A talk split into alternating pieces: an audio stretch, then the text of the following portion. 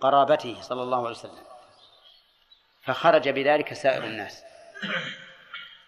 وخرج بذلك كل من كان كافرا من قرابة النبي صلى الله عليه وسلم. فيقول هذا القائل آله آله المؤمنون من قرابته. المؤمنون من قرابته.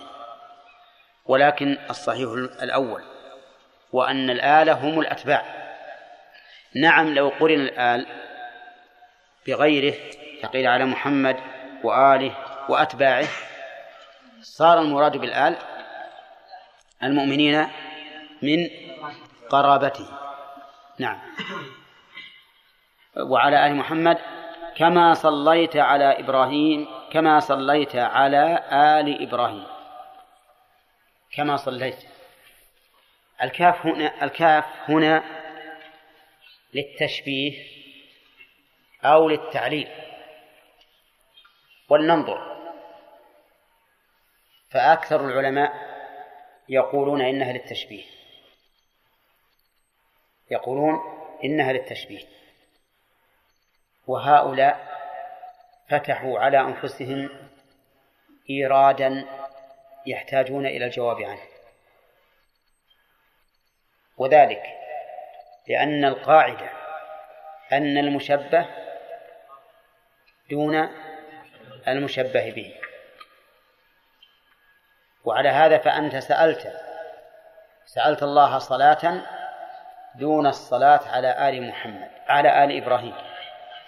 صلاة على محمد وآله دون الصلاة على آل إبراهيم. ومعلوم أن محمدا وآله أفضل من إبراهيم وآله.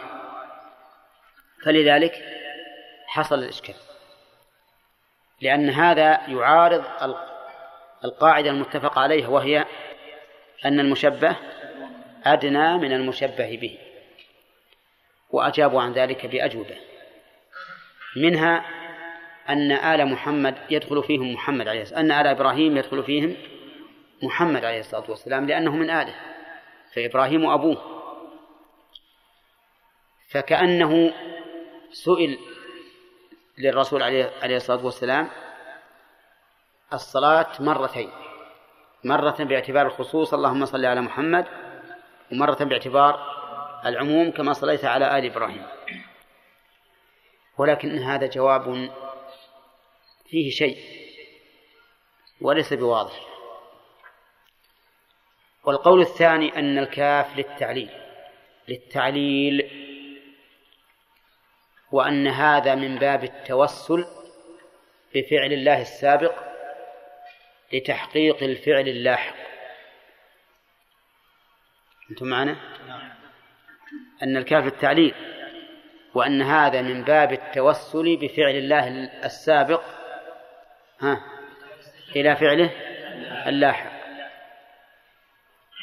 يعني كما أنك سبحانك سبق الفضل منك على آل إبراهيم فألحق الفضل منك على آل محمد على محمد وآله وهذا لا يلزم أن يكون هناك مشبه ومشبه به. فإن قال قائل وهل تأتي الكاف للتعليل؟ قلنا نعم تأتي للتعليل. استمع إليها من كلام العلماء واستمع إلى مثاله قال ابن مالك شبه بكاف وبها التعليل قد يعنى وزائدا لتوكيد ورد. شبه بكاف وبها التعليل قد يعنى وزائدا لتوكيد ورد. فأفاد بقوله وبها التعليل قد يعنى أنه قد يقصد بها إيش؟ التعليل. وأما المثال فكقوله تعالى كما أرسلنا فيكم رسولا يتلو عليكم. فإن الكاف هنا للتعليل معللة لما سبق. تذكرون يذكركم ها؟ إيه وكذلك لا هذا مثال آخر. طيب أول اللي قبل كما أرسلنا فيكم يدل على التعليل. طيب مثال آخر. قوله تعالى واذكروه كما هداكم. أي لهدايتكم. وإن كان يجوز فيها التشبيه يعني واذكروه الذكر الذي هداكم إليه. فهذا الوجه أعني أن الكاف في قوله كما صليت من باب آه، للتعليل من باب التوسل بالفعل السابق إلى تحقيق الفعل اللاحق. هذا هو الوجه الأصح الذي لا يرد عليه إشكال. نعم. نعم. إذا أطال الإمام في التشهد الأول فلا بأس أن تستمر. لا يستمر وبعض العلماء يقول يعيد. ولكن إذا استمر فلا حرج. لا ما يسكت نعم. الله إليكم والذين قالوا إنه نصلي على النبي بعد التشهد. أقول بما استدلوا احسن الله اليكم بس استدلوا بقوله يا رسول الله كي علمنا كيف نسلم عليك فكيف نصلي عليك؟ إذا كنا إذا صلينا عليك في صلاتنا قال قولوا اللهم صل. ما استدلوا بأن الصلاة تابعة للشهادة فكأن فإذا شهدت له بالرسالة فإنك تصلي عليه. لا. هذا ما هو مضطرد نعم. والغانم أو, أو مشي عندك سؤال؟ ها.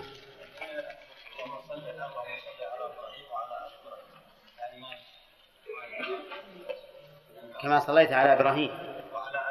اي يقول نبي نبحث إن شاء الله. نعم. نعم. من الدعاء. نعم. هذا في الأخير. في الأخير. هذا في الأخير سيدنا محمد وعلى آله وأصحابه أجمعين. يقول المؤلف إنه يسجد على سبعة أعضاء. فما هي هذه الأعضاء؟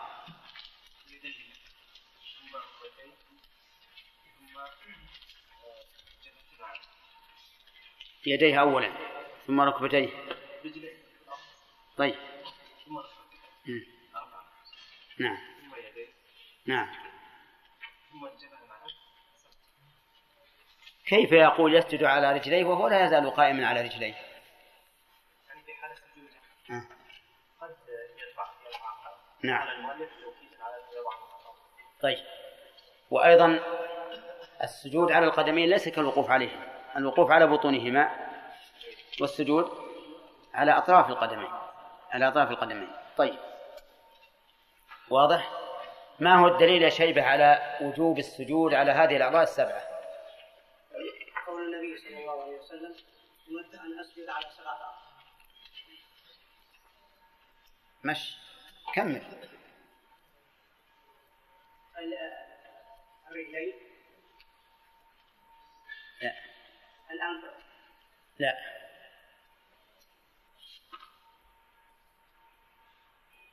لفظ الحديث الجبهة مع الأنف؟ لا. الكفين. نعم. والركبتين. الجبهة مع الأنف وأطراف الأصابع. وأطراف القدمين. ما هو هذا وأطراف القدمين. لا ما هو هذا لفظ الحديث هذا معناه لكن مدة باللفظ أحسن. الجبهة وأشار النبي صلى الله عليه وسلم إلى أنفه والكفين والركبتين وأطراف القدمين. أطراف القدمين. طيب. آه لماذا يا بندر أشار النبي صلى الله عليه وسلم إلى أنفه ولم يعده عضوا مستقلا. لأن الأنف تابع الجبهة نعم. أشار إليه باعتبار أنه مع فأشار إليه لئلا يظن الظان أن المراد الجبهة فقط. ولم يعده عضوا مستقلا لأنه تابع للجبهة. كذا. طيب ما الحكمة يا وليد في أن الإنسان يقول في السجود سبحان ربي الأعلى؟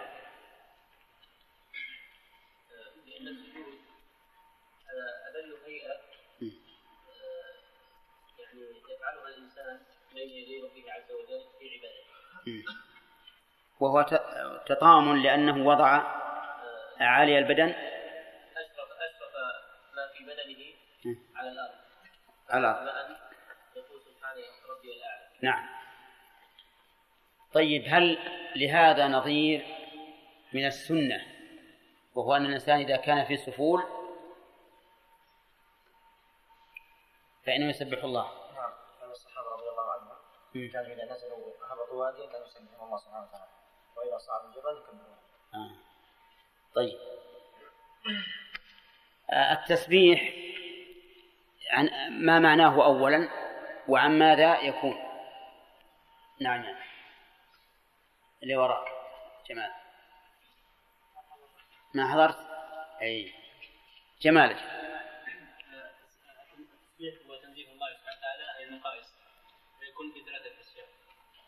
المخلوقين وعن النقص التام. مماثلة المخلوقين.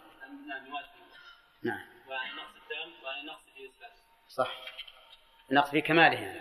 في كمال في كماله. طيب. لو قال قائل عبد المنان لله وجه كوجه أحسن المخلوقات. هذا ليس باطل. حرام؟ هذا قول باطل. لأنه اقتضى قوله هذا تشبيه يعني هل من قال هذا يعتبر مسبحا لله؟ لا. لأنه مثله بالناقص والتمثيل الكامل بالناقص يجعله ناقصا. طيب. يلا عيد. لو قال إن الله سبحانه وتعالى خلق السماوات والأرض في ستة أيام ثم استراح هل يكون مسبحا لله؟ ليش؟ لأنه أولا آه، كذب النص الوارد في هذا. قوله تعالى وما مسنا من لغوب مم. نفى الله عز وجل عن نفسه التعب. وثانيا أنه آه، قال أن الله عز وجل ناقص بهذه الصفة أثبت النقص لله بهذه الصفة هذا نقص في كماله. كمالها طيب. الأخ. أي نعم. آه، لو قال قائل إن الله سبحانه وتعالى يمكن أن يموت لا يجوز ذلك ها. ليش؟ لأن الله سبحانه وتعالى. حي حي لا يموت. لا يموت لا. لا طيب والموت نقص ولا؟ طبعا نقص. نقص نعم. ونقص ما في شك. نعم. صحيح. إذا هذا القسم الثالث تنزيهه عن عن نقص والثاني اللي من عيد الذي وجه إلى عيد نقص في الكمال. والأول نقص في مماثلة المخلوقين. كذا؟ طيب. لو قال لنا قائل هل الله خلق نفسه؟ يقال, هذه أمور يقال هذه أمور غيبية. نسكت عنها. أمور غيبية نتركها السمع. ولا, سمع هنالك. لا. طبعا- طبعا أنا فيها لابد ما يصير هذا. ما يصير. أنا فيها أن أن الله خلق, خلق نفسه لا شك أنه ليس له شاكر. أن ننفي هذا يا شيخ لأن هذا نقص. نقص ما في شك. نقول نقول استعذ بالله من الشيطان. اي نعم. اي نعم. هذا من الشيطان. نقول هذا من الشيطان. ولا يمكن يرد هذا. هو الأول الذي ليس ليس قبله شيء. كيف يكون خلق نفسه؟ نعم. هو هو, خلق كل شيء وهو الأول الذي ليس قبله شيء. ولهذا قال النبي عليه الصلاة والسلام لا يزال الناس يتساءلون من خلق كذا من خلق كذا حتى يقولون حتى يقولوا من خلق الله. وعند ذلك يجب على الإنسان أن يستعيذ بالله من الشيطان الرجيم. وأن يعلم أن الله هو الأول الذي ليس قبله شيء والآخر الذي ليس بعده شيء. طيب ما تقول في رجل حسن في رجل سجد على يده؟ هل يصح سجوده؟ لا يصح اللي في الاستثناء قال ليس من أعضاء السجود وجاء من أعضاء السجود. نعم هذا تقول لا يصح. أيوة أيضا لم يسجد على العظم من السابع قال أمرت أن أسجد على سبعة أعظم ذكر اليد معه هو سجد على يديه فلا يعتبر سجد نعم. لأن ظاهر الحديث سبعة أعضاء لابد كل عضو وحده. طيب. والمؤلف استثنى هذا. يلا يا آدم. ماذا يقول بين السجدتين اللهم اغفر لي وارحمني واهديني لي وارحمني خمسة قلت إيه، أعد. ربي اغفر لي. رب اغفر لي. ها. وارحمني واهديني واذكرني نعم. طيب. ما معنى المغفرة؟ مغفرة؟ لا لا. لا الذنوب. ها؟ يغفر الذنوب. الله. سبحانه وتعالى إي وش معنى يغفر الذنوب؟ أنت تقولها في كل صلاة الآن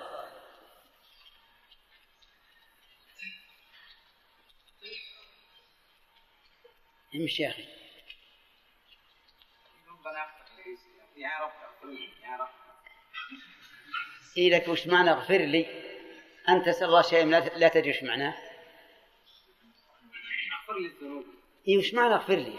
إيش؟ ها؟ يعني والله غريب. هل يعقل واحد يدعو الله بشيء لا يدري وش معناه؟ أنا يمسح ذنوبي ربنا يغفر لك ذنوبك. يعني مشكلة طيب معناه؟ هذا المعنى هنا. سمعت يا آدم؟ وهذه دائما تمر علينا. إن المغفرة ستر الذنب عن الخلق والتجاوز عنه عن العقاب. مفهوم؟ ومر علينا وجه مناسبة هذا المعنى لللفظ لأنه مأخوذ من المغفر الذي يوضع على قل على رأس الإنسان عند الحرب. ليستتر به من السهام ويقيه. طيب. أظن وقفنا على كما صليت على إبراهيم وعلى آل إبراهيم إنك حميد مجيد. وتمت المناقشة أيضا على هذا. وصلنا إلى هذا في المناقشة. يقول وبارك على محمد وعلى آل محمد كما باركت على آل إبراهيم إنك حميد مجيد. بارك فعل دعاء كما هو معروف لأنه موجه من المخلوق إلى الخالق والأمر وما ورد بصيغة الأمر موجها إلى المخلوق من المخلوق إلى الخالق فهو دعاء لأن المخلوق لا يأمر الخالق. ومعنى بارك على محمد أي أنزل البركة عليه. ولهذا جاءت متعدية بعلى دون اللام. عليه أي أنزل عليه البركة. والبركة مأخوذة من البركة. وهو مجتمع الماء ولا يكون إلا على وجه الكثرة وال- والقرار والثبوت. وع- وعليه فالبركة كثرة الخيرات ودوامها واستمرارها. ويشمل البركة البركة في العمل والبركة في الأثر. أما البركة في العمل فأن يوفق الله الإنسان لعمل لا يوفق له من نزعت منه البركة. وأما الأثر فأن يكون لعمله آثار جليلة نافعة ينتفع بها الناس. ولا شك أن البر أن بركة النبي عليه الصلاة والسلام أنه لا نظير لها. لا نظير لها. وذلك لأن أمته أكثر الأمم. ولأن اجتهادهم في الخير أكثر من اجتهاد غيرهم. فبورك له عليه الصلاة والسلام في من اتبعه وبورك له في عمل من اتبعه. وقوله على آل محمد سبق لنا أن الآل إذا أفردت تشمل جميع الأتباع فالمراد بآله أتباعه. وسبق لنا الشاهد من كون الآل بمعنى الأتباع. وهو قوله تعالى ويوم تقوم الساعة أدخلوا آل فرعون أشد العذاب. آل فرعون يعني أتباعهم. أما إذا قرنت الآل بالأصحاب والأتباع صار المراد بها المؤمنين من من قرابته. ولا عجب أن يكون لللفظ معنى عند الانفراد ومعنى عند الاقتران. فالمسكين مثلا والفقير بمعنى واحد عند الانفراد ولكل واحد منهما معنى عند الاقتران والاجتماع. البر والتقوى كذلك لكل واحدة منهما معنى عند الاقتران ويتفق معناهما عند الافتراق. طيب الآن الآن الآن الآل إذا اقترنت بالأصحاب والأتباع صار المراد بها المؤمنين من آل من قرابة النبي صلى الله عليه وسلم. وهم بنو هاشم و ومن تفرع منه بنو هاشم ومن تفرع منه لأن الآل يشمل إلى الجد الرابع.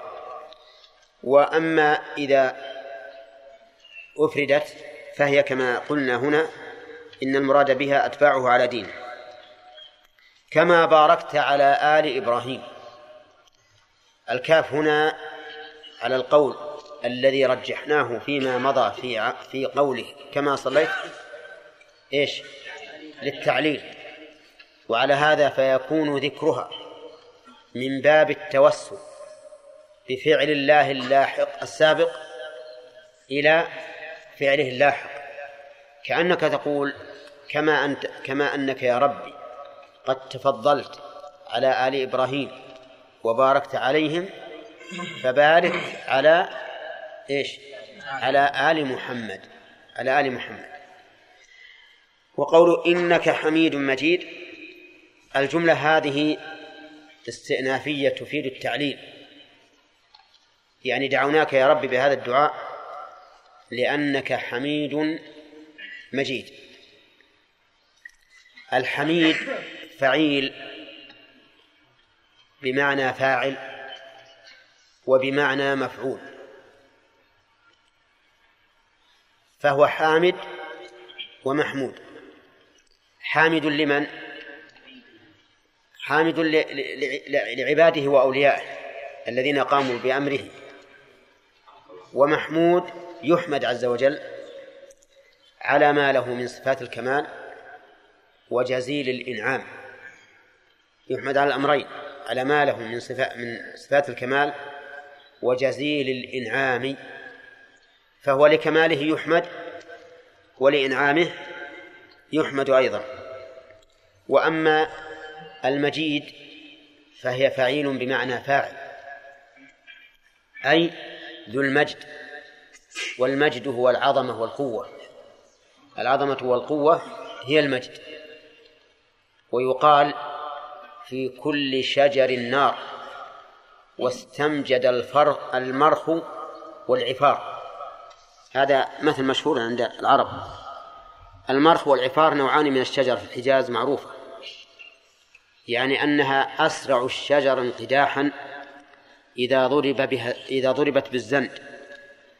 وإلا ففي كل الأشجار نار كما قال تعالى الذي جعل لكم من الشجر الأخضر نارا. المهم أن المجيد معناه ذو المجد وهي العظمة وكمال السلطان. ثم قال ويستعيذ بالله. من عذاب جهنم ومن عذاب القبر. ونعم من عذاب جهنم ومن عذاب القبر إلى آخره. قال ويستعيذ. فيقول أعوذ بالله من عذاب جهنم. والعياذ هو الالتجاء من مكروه أو الاعتصام من مكروه. يعني أن تعتصم بالله من المكروه. واللياذ أن تلجأ إليه بحصول المطلوب كما قال الشاعر يا من ألوذ به فيما أؤمله ومن أعوذ به مما أحاذره لا يجبر الناس عظما أنت كاسره ولا يهيضون عظما أنت جابره فجعل اللياذ فيما يؤمل والعياذ فيما يحذر أي من الأشياء المكروهة. وقوله من عذاب جهنم أي العذاب الحاصل منها. فالإضافة هنا على تقدير من فهي جنسية. كما تقا كما يقول خاتم من حديد. نعم كما تقول خاتم حديد أي خاتم من حديد. ويحتمل أن تكون في أن تكون الإضافة على تقدير في أي عذاب في جهنم. كما قال تعالى بل مكر الليل والنهار إذ تأمروننا أن نكفر بالله. أي مكر في الليل. والإضافة كما تعرفون تأتي على تقدير من وعلى تقدير في وعلى تقدير اللام وهي الأكثر. من عذاب جهنم. جهنم علم على النار. النار التي أعدها الله عز وجل للكافرين. واتقوا النار التي أعدت للكافرين. وهذه النار ورد من صفاتها وصفات العذاب فيها في الكتاب والسنة ما تقشعر منه الجلود والبحث فيها من عدة وجوه. الوجه الأول هل هي موجودة الآن أو ليست بموجودة الجواب موجودة لأن النبي صلى الله عليه وسلم عرضت عليه النار في صلاة الكسوف وهو يصلي بالناس وكذلك في المعراج رأى النار أيضا. والقرآن يدل على ذلك كما قال تعالى أعدت للكافرين. والإعداد بمعنى التهيئة والفعل كما كما تعرفونه ماض. فيقتضي أن أن الإعداد حاصل الآن. البحث الثاني هل هي مؤبدة أو مؤمدة؟ يعني هل تفنى أو هي دائم دائم أو هي دائم أبد الآبدين؟ الثاني هو المتعين قطعا أنها مؤبدة ولا يكاد يعرف عند السلف سوى هذا القول.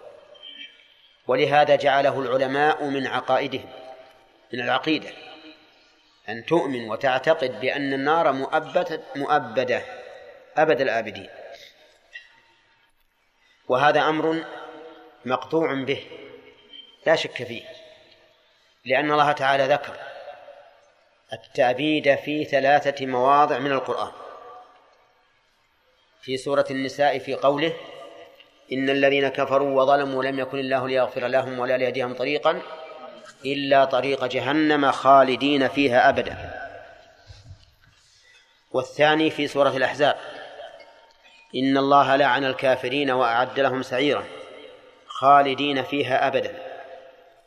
والثالث في سورة الجن ومن يعص الله ورسوله فإن له نار جهنم خالدين فيها أبدا. ولو ذكر الله عز وجل التأبيد في موضع واحد من القرآن لكفى. فكيف وهو قد ذكره في ثلاثة مواضع؟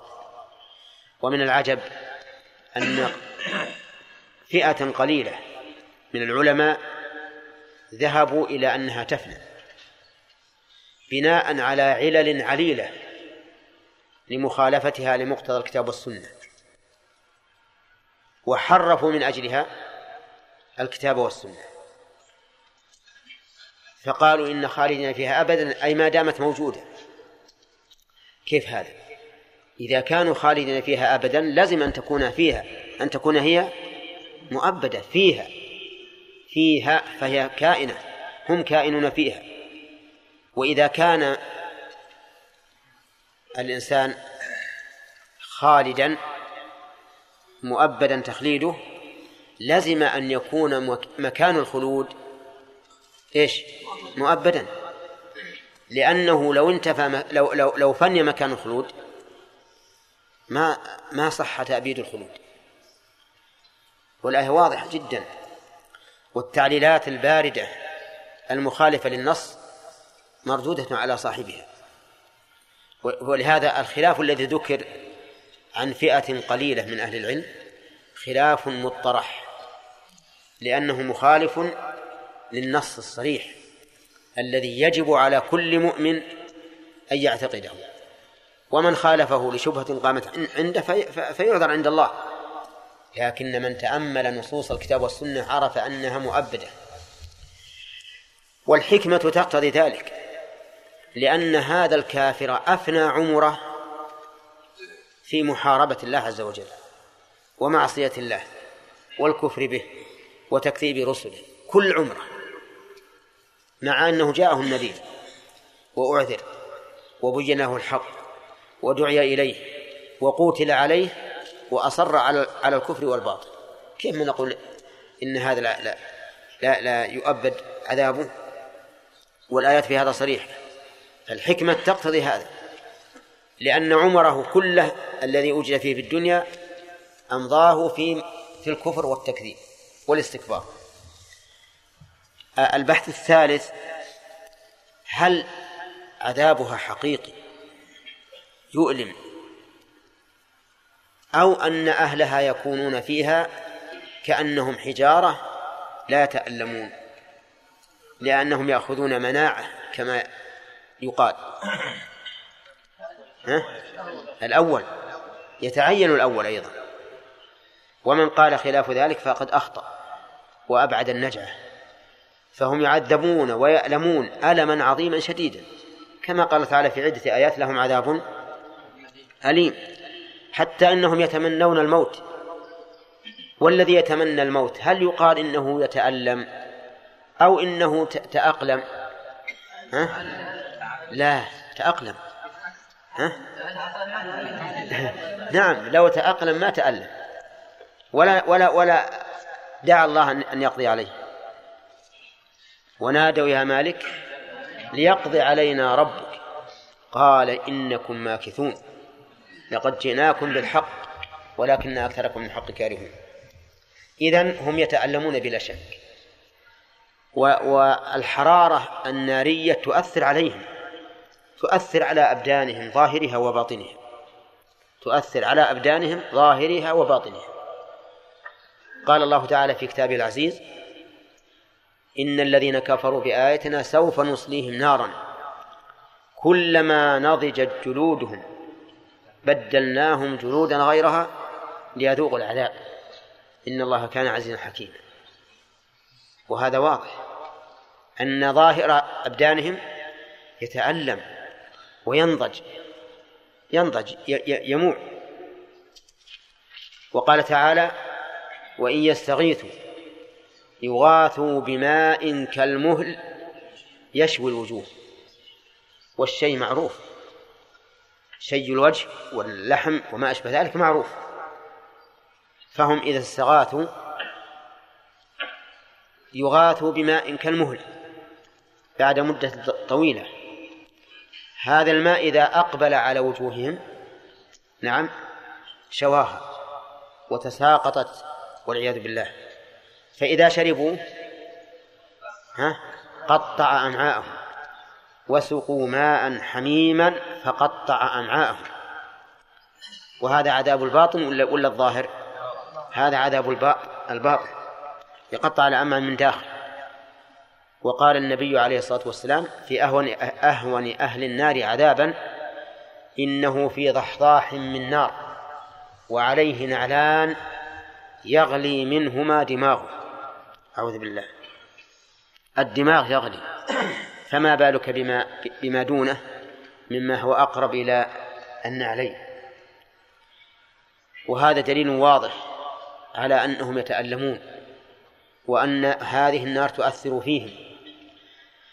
وكذلك قال تعالى وذوقوا عذاب الحريق المحرق. والآيات في هذا والأحاديث كثيرة. البحث الرابع هل هناك ناران؟ نار لأهل الكفر ونار لأهل التوحيد الذين يعذبون فيها ثم يخرجون. نعم زعم بعض العلماء ذلك وقال إن النار ناران نار لأهل الكفر ونار لأهل المعاصي من المؤمنين. وبينهما فرق. ولكن هذا لا أعلم له دليلا. لا من القرآن ولا من السنة. والذي أعلمه أن النار واحدة. لا تختلف. لكن عذابها يختلف. لا شك أنها على عصاة المؤمنين ليست هي ليست هي على الكافرين. بلا شك أنها تختلف. وكوننا نقول بالتقسيم بناء على استبعاد عقولنا أن تكون نار واحدة تؤثر تأثيرين مختلفين. لأن هذا الاستبعاد لا وجه له. أولا أن الله على كل شيء قدير. والله تعالى قادر على أن يجعل النار الواحدة لشخص سلاما ولآخر عذابا.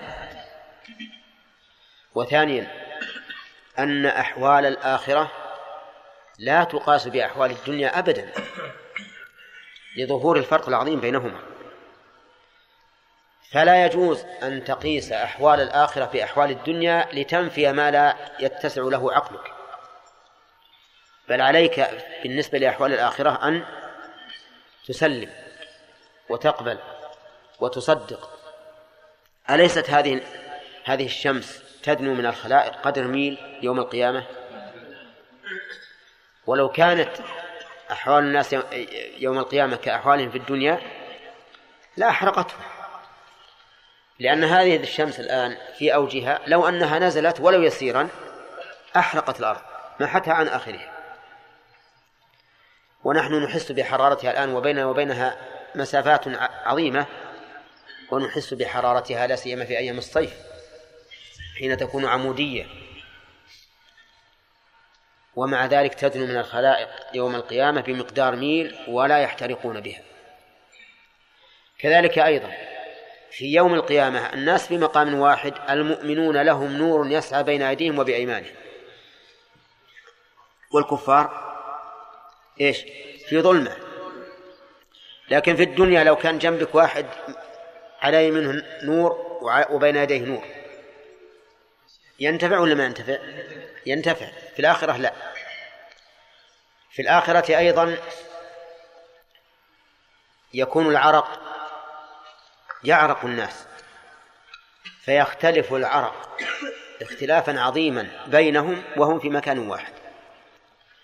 من الناس من من يصل العرق إلى كعبيه ومنهم من يصل يا أحمد قم توضأ. قم توضأ. لأنك نمت.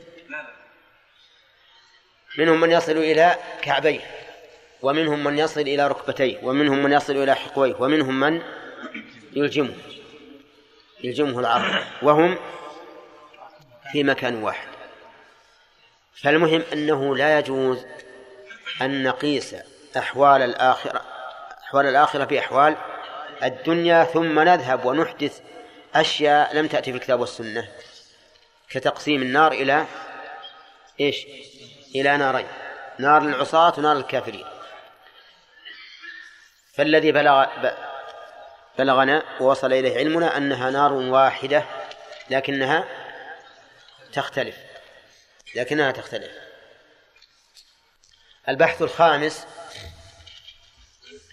أين النار الآن؟ أين النار الآن؟ نحن أثبتنا أنها موجودة. فأين هي؟ أفي السماء أم في الأرض؟ نقول هي في الأرض. هي في الأرض.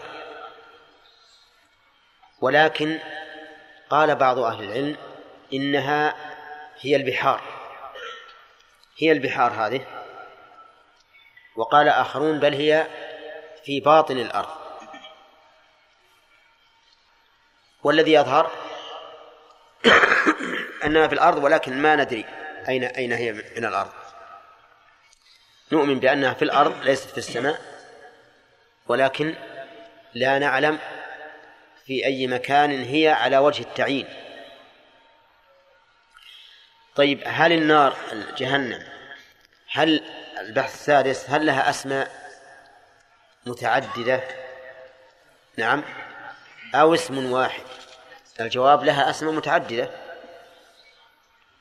لها أسماء متعددة. وهذه التعد وهذا التعدد في الأسماء لاختلاف صفاتها. فتسمى الجحيم وتسمى جهنم وتسمى لظى وتسمى السعير بحسب اختلاف الصفات. والمسمى واحد. فكل ما صح في كتاب الله أو سنة الرسول صلى الله عليه وسلم من أسمائها فإنه يجب على المؤمن أن يصدق به ويثبته. قول المصلي أعوذ بالله من عذاب جهنم. هل المراد يعني انتهى الكلام البحث في جهنم هل المراد أنه يتعوذ بالله من فعل المعاصي المؤدية إلى جهنم؟ أو يتعوذ بالله من جهنم وإن عصى فهو يطلب المغفرة من الله. أو يشمل الأمرين. أه؟ يشمل الأمرين. فهو يستعيذ بالله من عذاب جهنم أي من فعل الأسباب المؤدية إلى عذاب جهنم. ومن عذاب جهنم أي من عقوبة جهنم إذا فعل الأسباب التي توجب توجب ذلك. لأن الإنسان بين أمرين.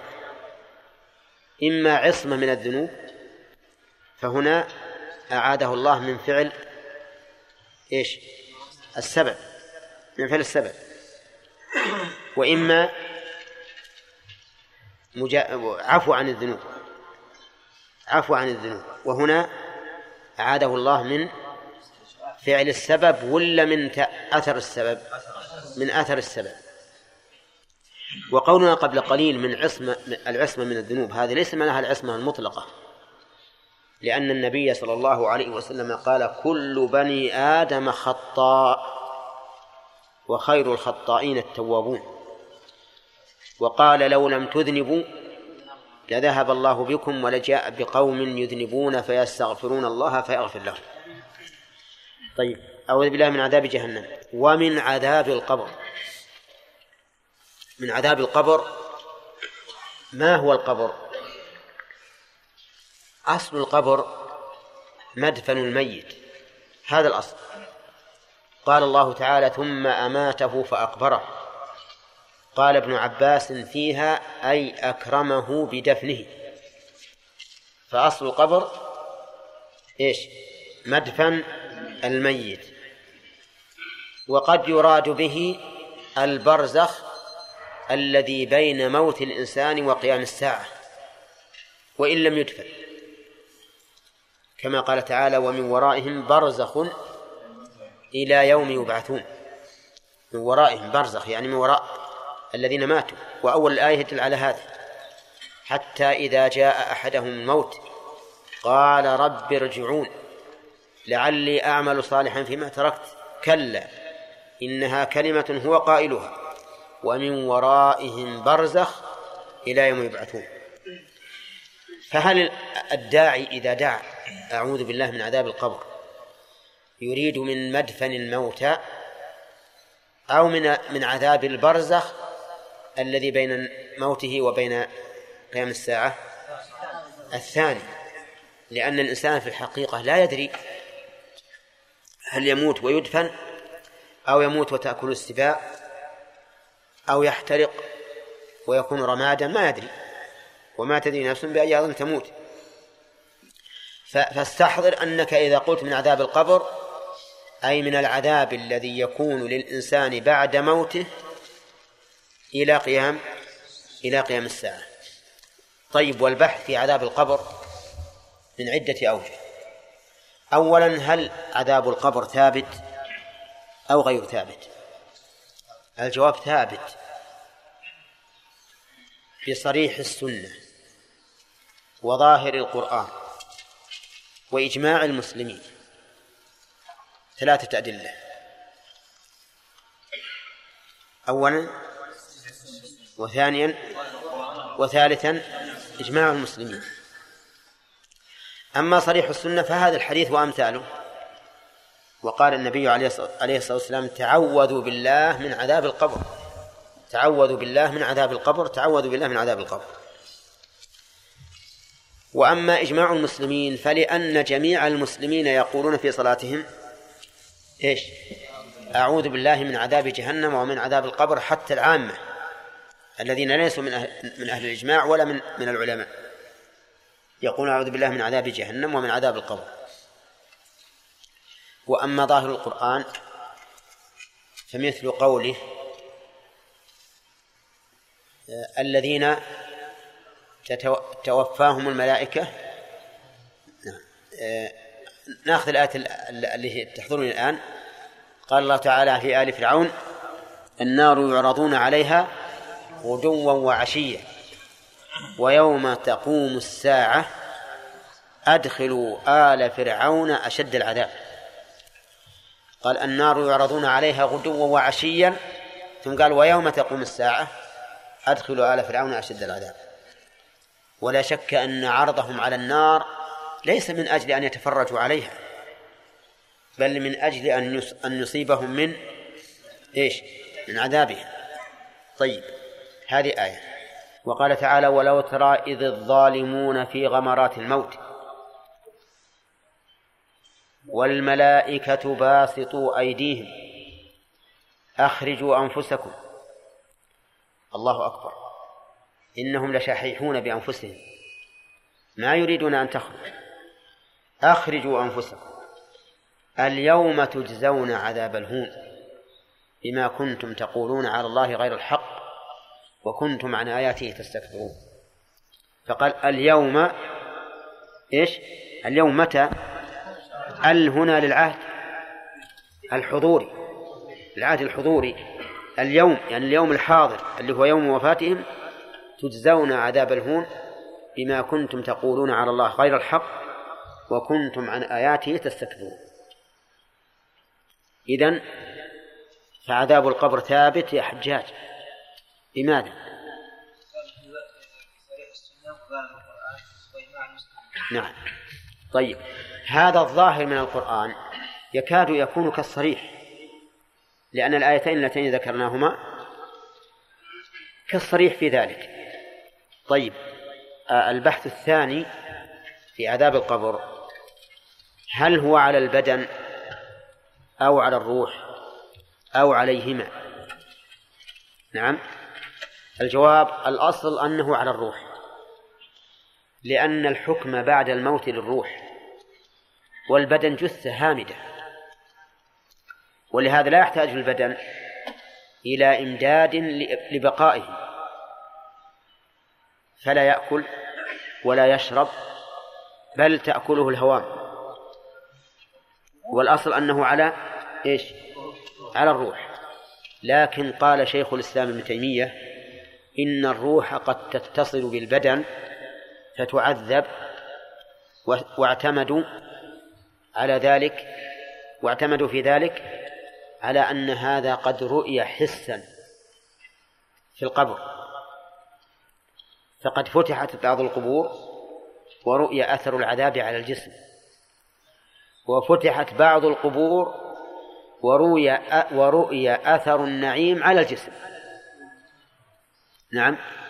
وقد حدثني بعض الناس أنهم في هذا البلد هنا في عنيزة كانوا يحفرون للسور سور البلد البلد الخارجي. فمروا على قبر فانفتح اللحد فوجدوا فيه ميتا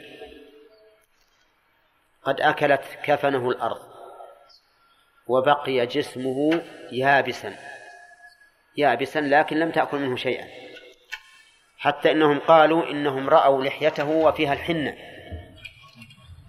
وفاح عليهم رائحة أطيب ما يكون من المسك فتوقف وجاءوا إلى الشيخ وكان ذاك الوقت عبد الله بن عبد الرحمن بن وسألوه قال دعوه على على ما هو عليه وجنبوا عنه احفروا إما يمين ولا يسار. فبناء على ذلك قال العلماء إن الروح قد تتصل بالبدن فيكون العذاب على على هذا وهذا. وربما يستأنس لذلك بالحديث الذي قال فيه رسول الله صلى الله عليه وسلم إن القبر لا يضيق على الكافر حتى تختلف أضلاعه. فهذا يدل على أن العذاب يكون على إيش؟ على الجسم على البدن لأن الضياع في الجسم.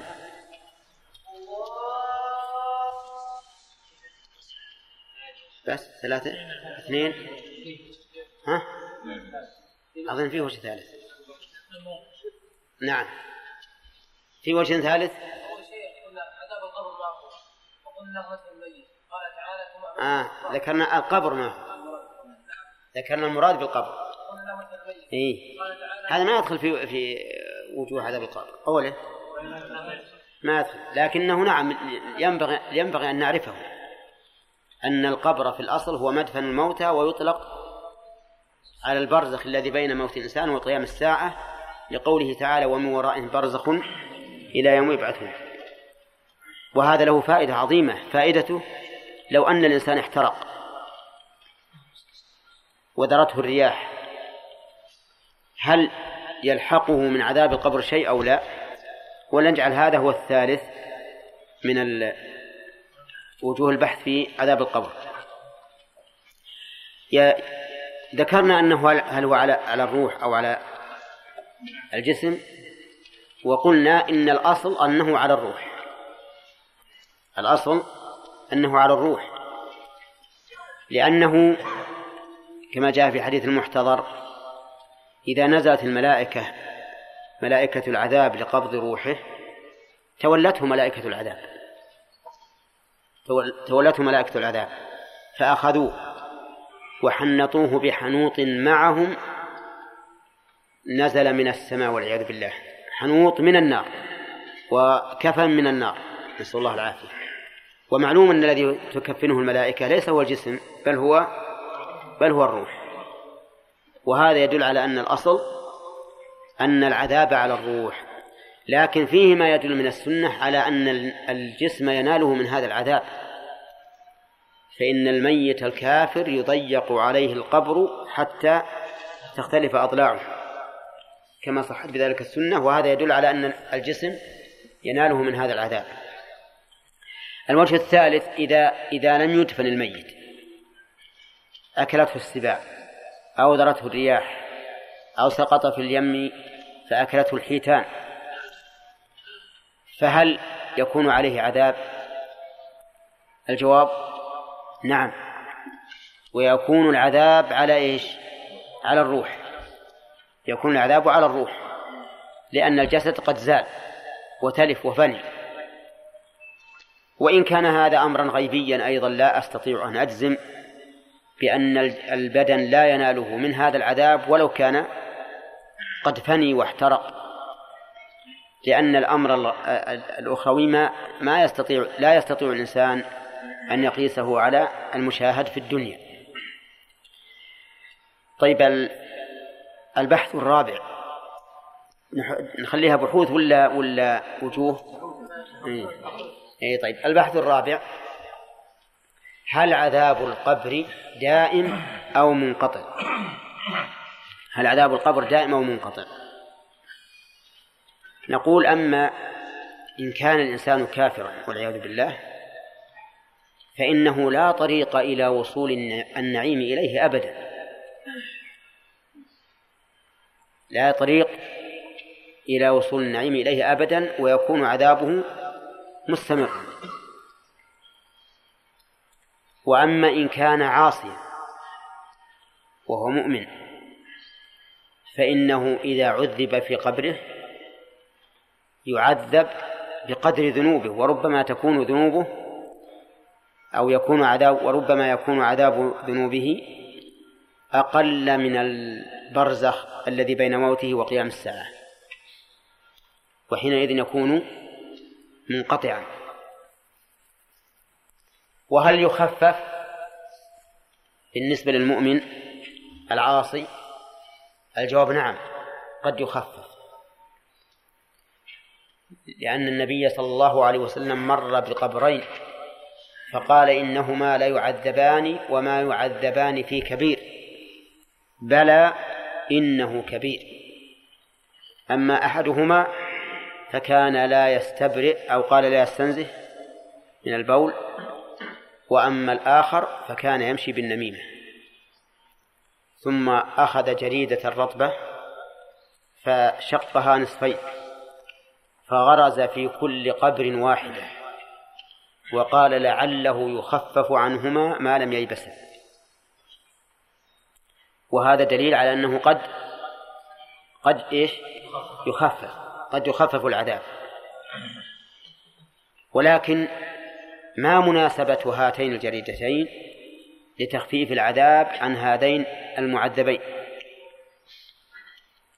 قيل لأنهما أي الجريدتان أي الجريدتين تسبحان. ما لم ييبسا.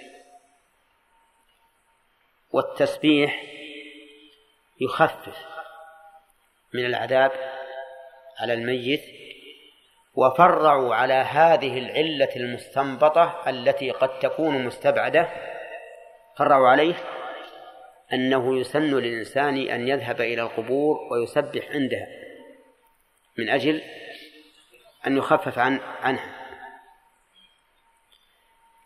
وقال بعض العلماء هذا ضعيف هذا التعليل ضعيف. لأن الجريدتين تسبحان سواء كانتا رطبتين أم يابستين. لقول الله تعالى تسبح له السماوات السبع والأرض ومن فيهن وإن من شيء إلا يسبح بحمده ولكن لا تفقهون تسبيحه.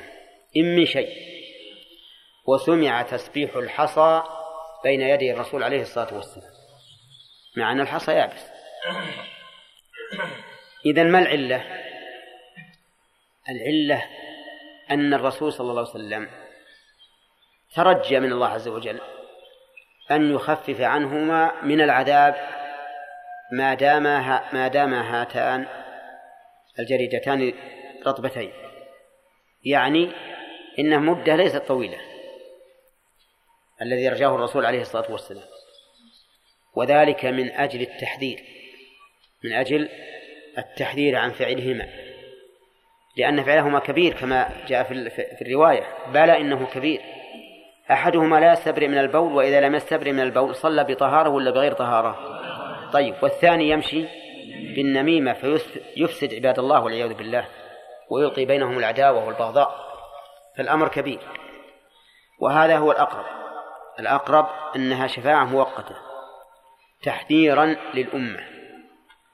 لا بخلا من الرسول صلى الله عليه وسلم بالشفاعة الدائمة ولكن تحذيرا للأمة. نقول استطرادا بعض العلماء عفى الله عنهم قالوا يسن أن يضع الإنسان جريدة رطبة أو شجرة أو نحوها على القبر ليخفف عنه. لكن هذا الاستنباط بعيد. بعيد جدا. ولا يجوز. أولا أننا لم لم يكشف لنا أن هذا الرجل يعذب. أليس كذلك؟ بخلاف النبي عليه الصلاة والسلام. ثانيا أننا إذا فعلنا ذلك فقد أسأنا إلى الميت. أسأنا إلى الميت. لأننا ظننا به ظن سوء أنه يعذب. وما يدرينا فلعله ينعم. لعل هذا الميت ممن من الله عليه بالمغفرة قبل موته لوجود سبب من أسباب المغفرة الكثيرة. فمات وقد عفى رب العباد عنه وحينئذ لا يستحق العذاب.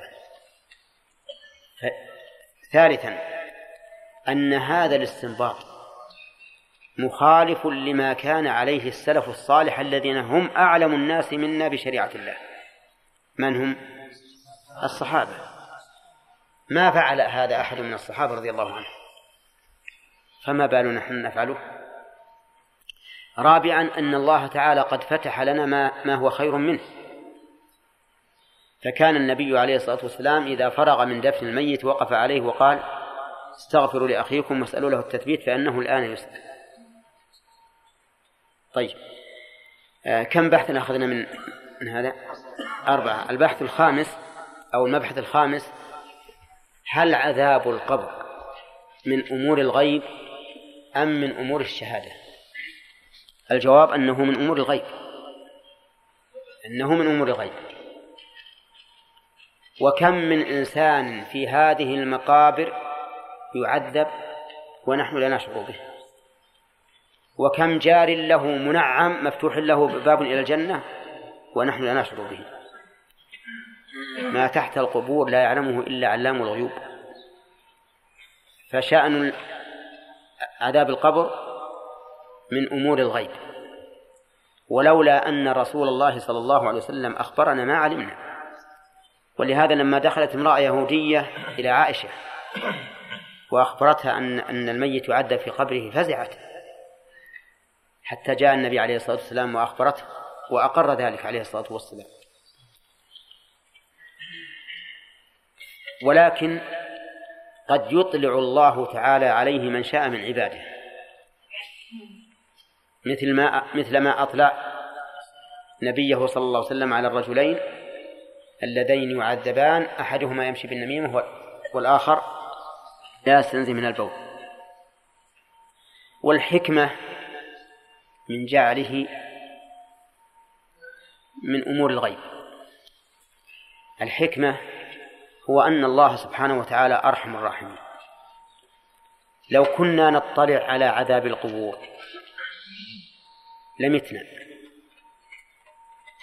لأن الإنسان إذا اطلع على أن أباه أو أخاه أو ابنه أو زوجة أو قريبة يعذب في القبر ولا يستطيع فكاكه؟ هل يقلق ولا ولا ينعم؟ ها؟ يقلق ما في شك ولا يستريح.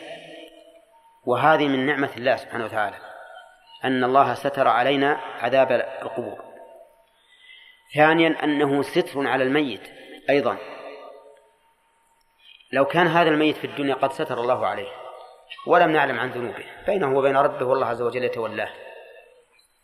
ثم مات وأطلعنا الله على على على عذابه. صار في ذلك فضيحة عظيمة له. وصار كل إنسان يخاف وكل إنسان يمكن أن يعير. يقال أنت الآن في المسجد وغدا في القبر معذب.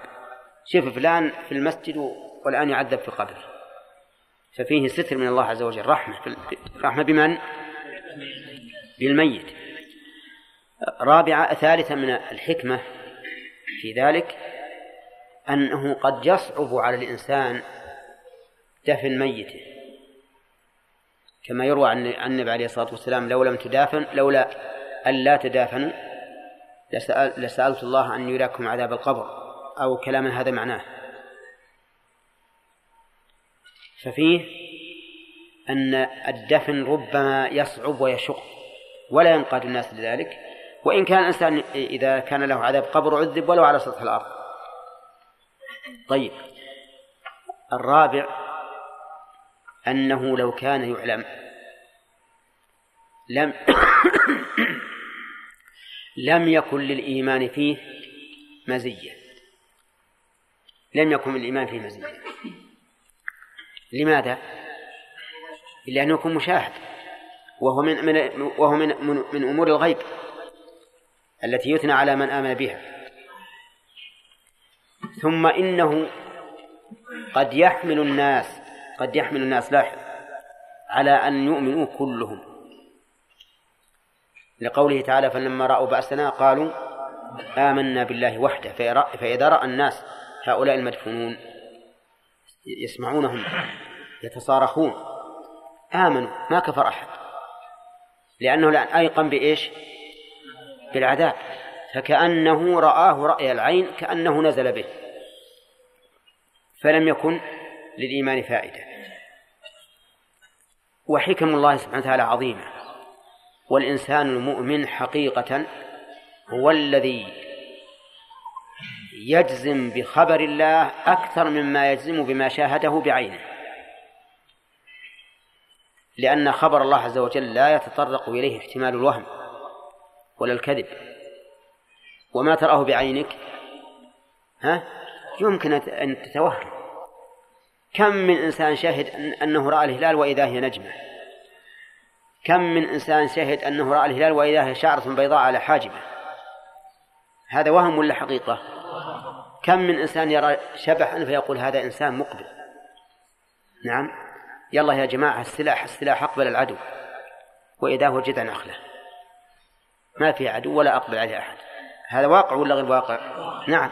وكم من إنسان يرى الساكن متحركا والمتحرك ساكنا لكن خبر الله ما يتطرق إليه الاحتمال.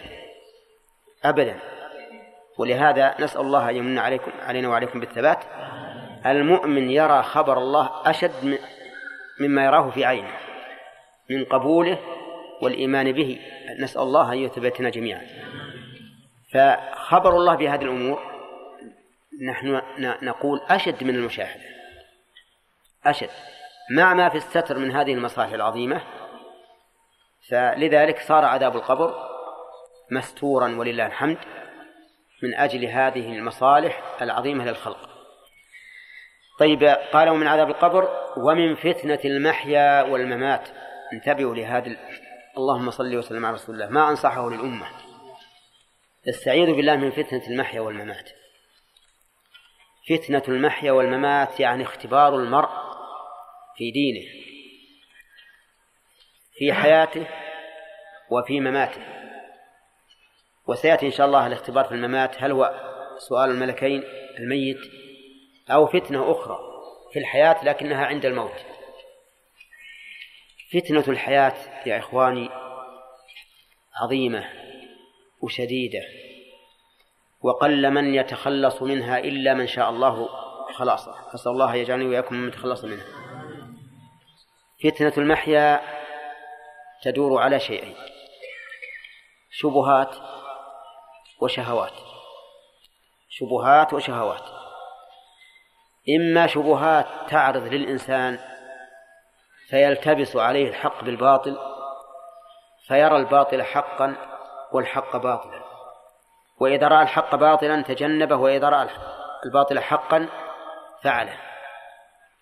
وهذه فتنة عظيمة. ما أكثر الذين يرون الربا حقا. فينتهكونه ما أكثر الذين يرون غش الناس شطارة. وجودا في البيع والشراء. فيغشون. هذه فتنة. ما أكثر الذي يرى النظر إلى النساء تلذذا وتمتعا. وحرية. فيطلق نفسه في نظر النساء. بل ما أكثر الذي يشرب الخمر ويراه لذة وطربا. وما أكثر الذين يرون الآلات اللهو والمعازف. فنا. فنا. يدرس ويعطى عليه شهادات ومراتب. كل هذه من فتنة إيش؟ ها؟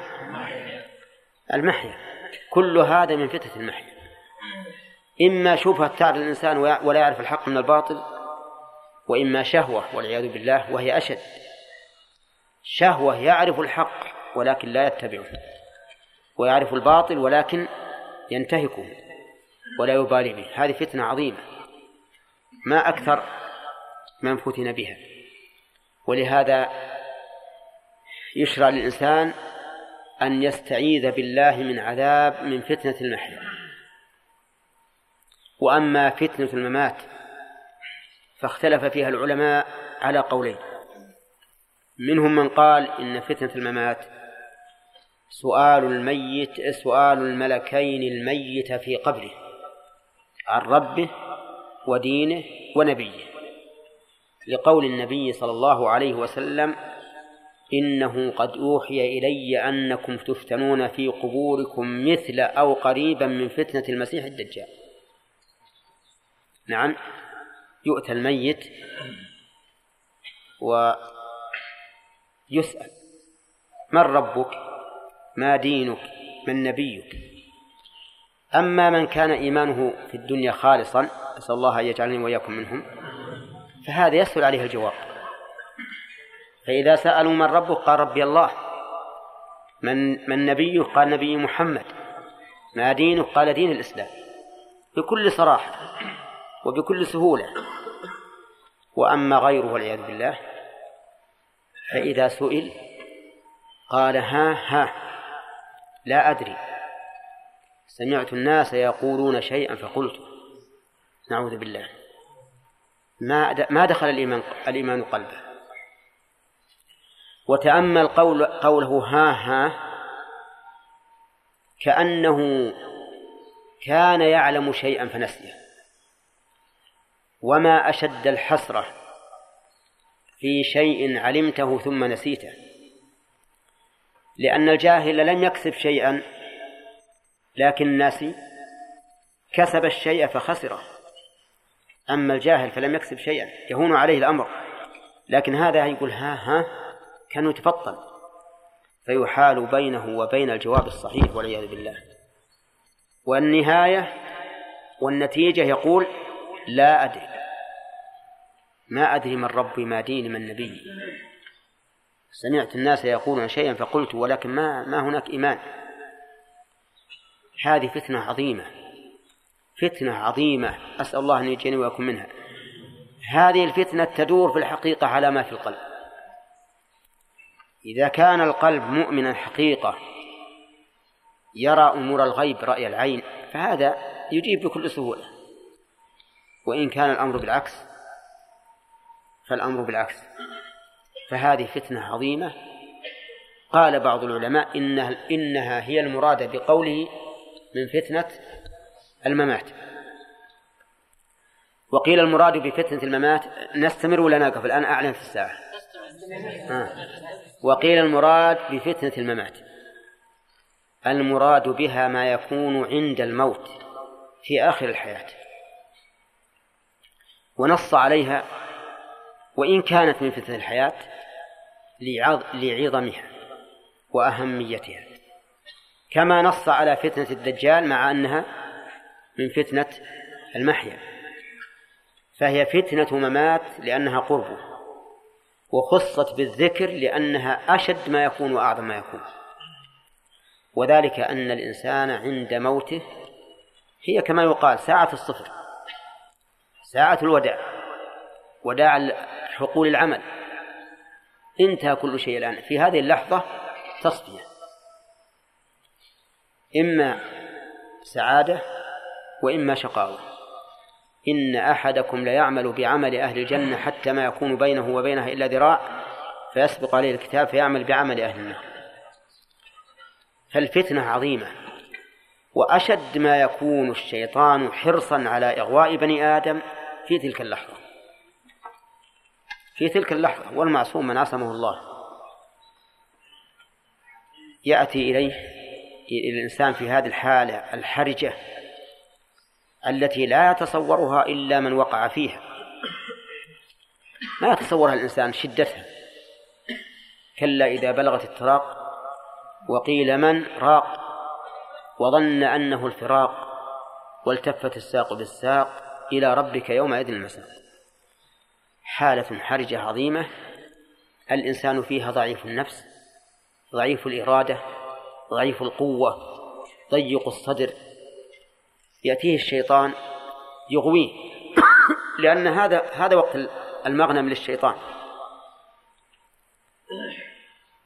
حتى إنه كما قال أهل العلم قد يعرض للإنسان الأديان اليهودية والنصرانية والإسلامية. بصورة أبويه. يعرضان عليه الإسلام واليهودية والنصرانية ويشيران عليه باليهودية أو بالنصرانية. أبواه يمثلهما الشيطان له والشيطان يمكن يمثل أي واحد إلا النبي صلى الله عليه وسلم. طيب وش ترون في هذه الحال؟ فتنة ولا لا؟ فتنة أعظم الفتنة أمه وأبوها اللي هو يرى أنه أنصح الناس له يقول صر صر يهودي ولا نصراني؟ ينسى الإسلام لأنه في ضيق في حرج. لكن هذا والحمد لله لا لا يكون لكل أحد لا يكون لكل أحد. حتى لو كان الإنسان لا يتمكن الشيطان من أن يصل إلى هذه الدرجة معه لكن مع ذلك يخشى عليه يخشى عليه منه يخشى عليه منه. يقال إن الإمام أحمد وهو في سكرات الموت. يسمع يقول بعد بعد بعد بعد بعد بعد. فلما أفاق قيل له في ذلك قال إن الشيطان كان يعض أنامله. يقول فتني يا أحمد. الله أكبر. يعض أنامله إيش؟ ندما وحسرة. كيف ما أغوى الإمام أحمد؟ فيقول له بعد بعد. وش معنى بعد بعد؟ إلى الآن ما خرجت الروح. ما دامت الروح في البدن كل شيء وارد. كل شيء محتمل. ربنا لا تزغ قلوبنا بعد إذ هديتنا. ففي هذه الحال فتنة عظيمة جدا. ولهذا نص النبي صلى الله عليه وسلم عليها. قال من فتنة المحيا والممات لأنها فتنة عظيمة وعليها مدار السعادة والشقاوة. نعم.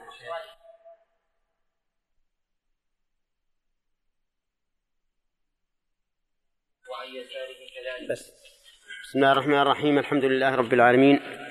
والصلاة والسلام على نبينا محمد وعلى آله وأصحابه أجمعين. سبق لنا أن الإنسان في آخر التشهد في التشهد الأخير خاصة يستعيذ بالله من من أربع من عذاب جهنم ومن عذاب القبر ومن فتنة المحيا والممات ومن فتنة المسيح الدجال. وآخر ما تكلمنا عليه فتنة المحيا والممات. وذكرنا أن فتنة المحيا تدور على شيئين الشبهة والشهوة. فالشبهة أن يلتبس الحق على المرء حتى لا يميز بين الحق والباطل وهذا دواؤه العلم.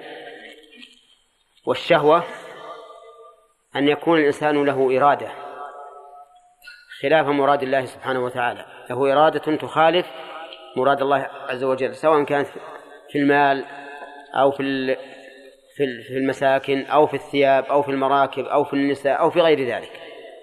المهم أنها شهوة يعني أن يريد ما خلاف ما يرضاه الله عز وجل. ودواء هذه خشية الله عز وجل وتقواه والإنابة إليه. فإذا وقي الإنسان الفتنتين آه، فتنة الشهوة وفتنة الشبهة حصلت له النجاة. وذكرنا فتنة الممات وأن فيها تفسيرين. التفسير الأول الفتنة التي تكون عند الموت والثانية التي تكون بعد الموت. وهي سؤال الملكين الإنسان عن ربه ودينه ونبيه. ولا مانع من أن نقول بأنها تشمل الأمرين جميعا.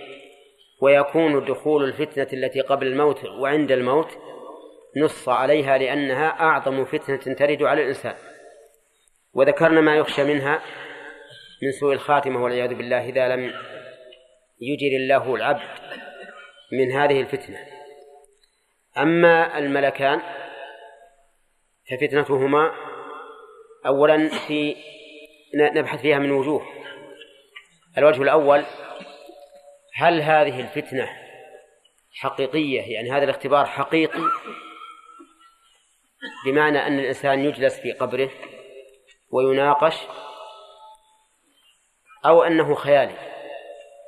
نقول هو حقيقي بلا شك وأن الإنسان في قبره يجلس ويناقش ويسأل. فإن قال قائل إن القبر محدود. ضيق. كيف يجلس؟ فالجواب على هذا أن الواجب على المؤمن في الأمور الغيبية أن يقبل ويصدق ولا يسأل عما وراء ذلك. بل يقول سمعنا وسمعنا وآمنا وصدقنا وقبلنا ولا يسأل كيف ولما لأنه لا يسأل عن كيف ولما إلا من شك. وأما من آمن وانشرح صدره لأخبار الله ورسوله فيسلم على طول. ويقول الله أعلم بكيفية ذلك. ثانيا نقول تعلق الروح بالبدن بعد الموت ليس كتعلقها به في حال الحياة. بل إن تعلق الروح بالبدن في حال النوم ليس كتعلقها به في حال اليقظة. فللروح مع البدن شؤون عظيمة. ما يدركها الإنسان.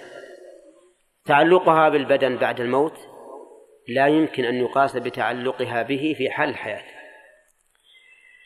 وها هو الإنسان في منامه.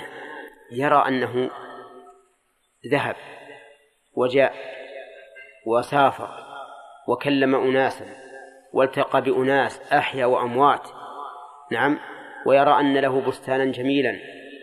أو دارا موحشة مظلمة ويرى أنه راكب على سيارة مريحة ويرى مرة أنه صدم ومرة أنه صدم. كل هذه يمكن مع أن الإنسان على فراشه ما تغير حتى الغطاء الذي عليه لم لم يتغير.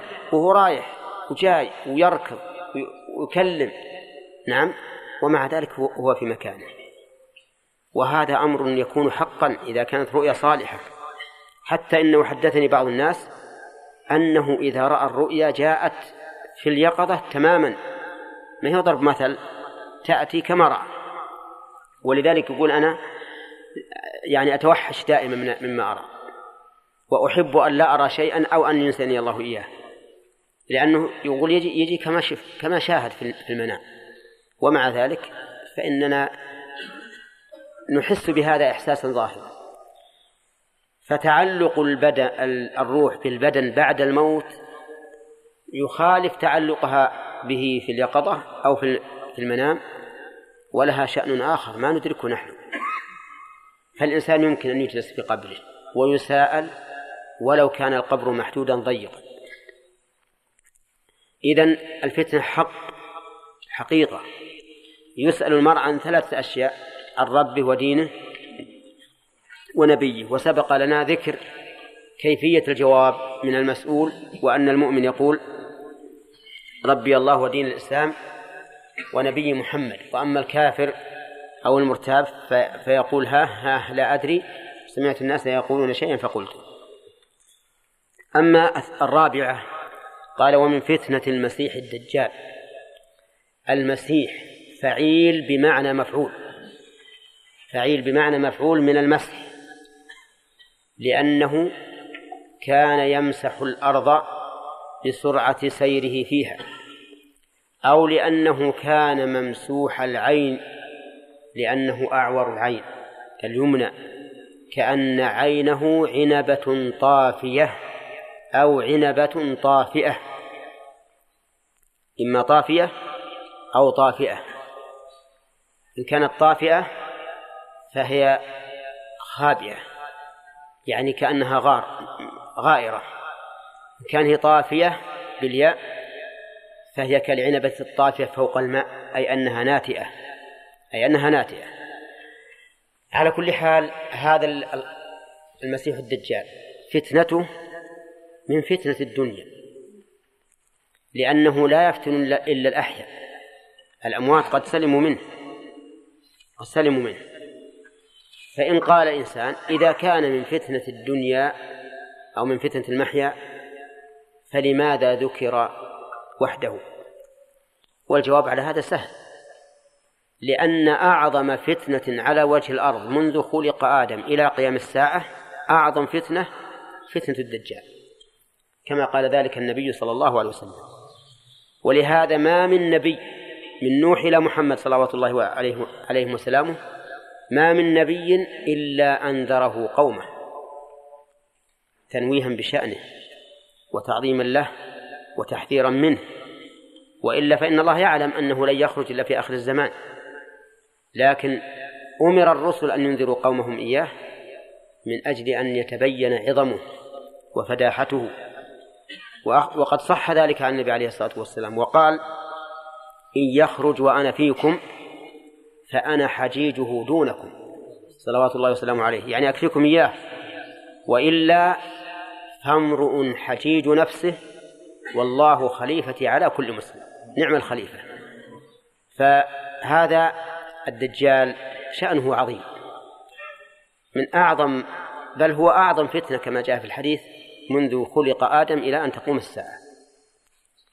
فكان حريا بأن يخص من بين فتن المحيا ومن فتنة المسيح الدجال.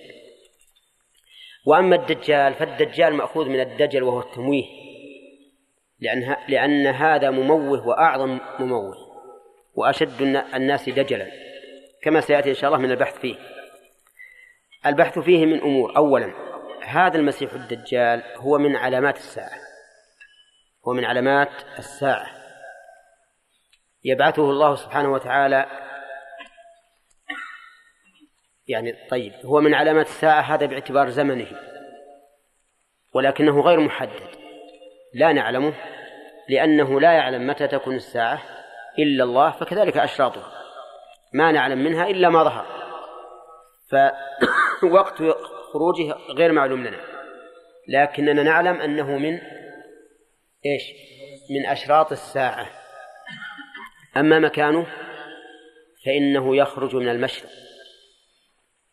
جهة الفتن والشر.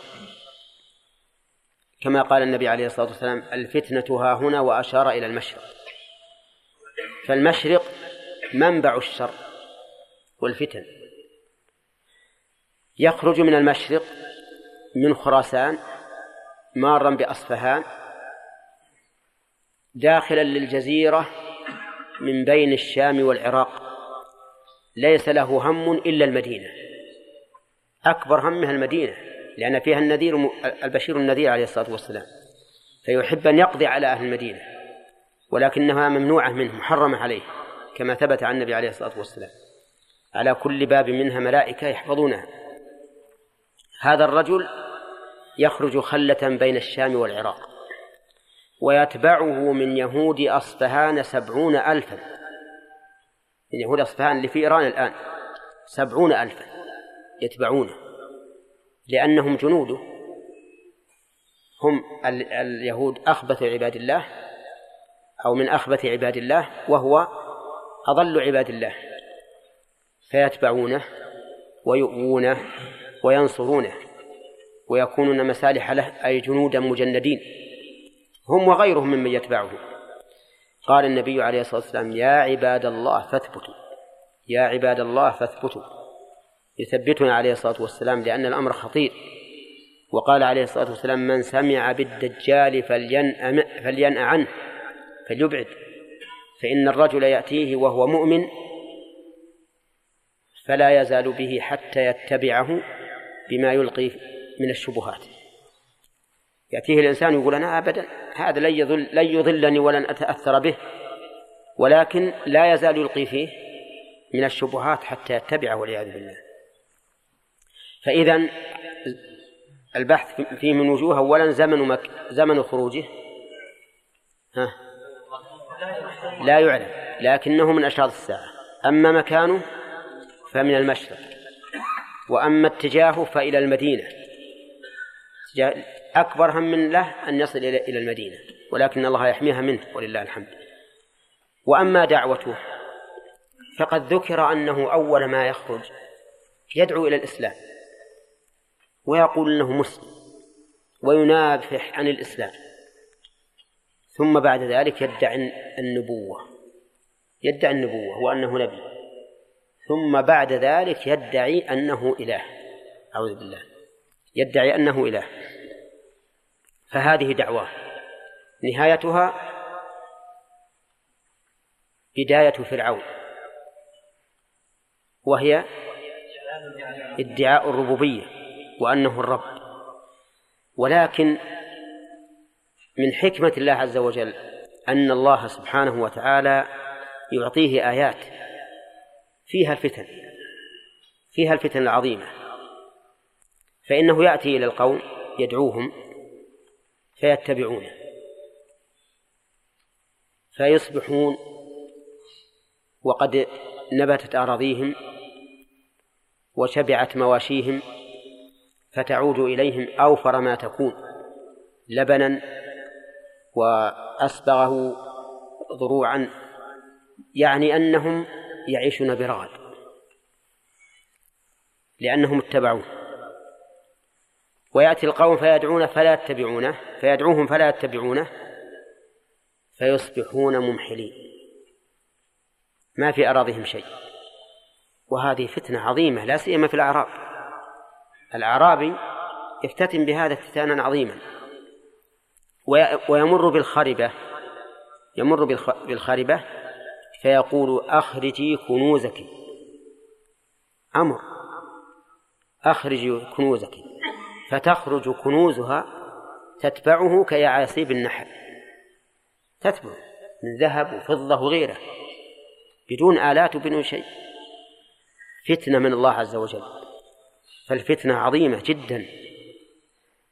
ثم مع ذلك هذه هذه حال معاملته لأهل الدنيا اللي بيتمتع في الدنيا أو يبأس فيها أما المآل فإن الله تعالى جعل معه جنة ونارا. جنة ونارا بحسب رؤيا العين. لكن جنته نار وناره جنة. من أطاعه أدخله هذه الجنة فيما يرى الناس ولكنها نار محرقة والعياذ بالله. ومن عصاه أدخله النار فيما يراه الناس ولكنها جنة وماء عذب طيب. إذن يحتاج الأمر إلى تثبيت من الله عز وجل. إن لم يثبت الله المرء هلك وضل.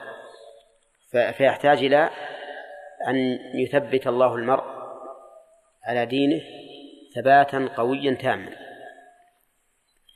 يخرج إليه رجل من الناس شاب. فيقول له أنت الدجال الذي ذكر ذكر لنا رسول الله صلى الله عليه وسلم. يقول ذلك. فيدعوه فيأبى أن يتبعه.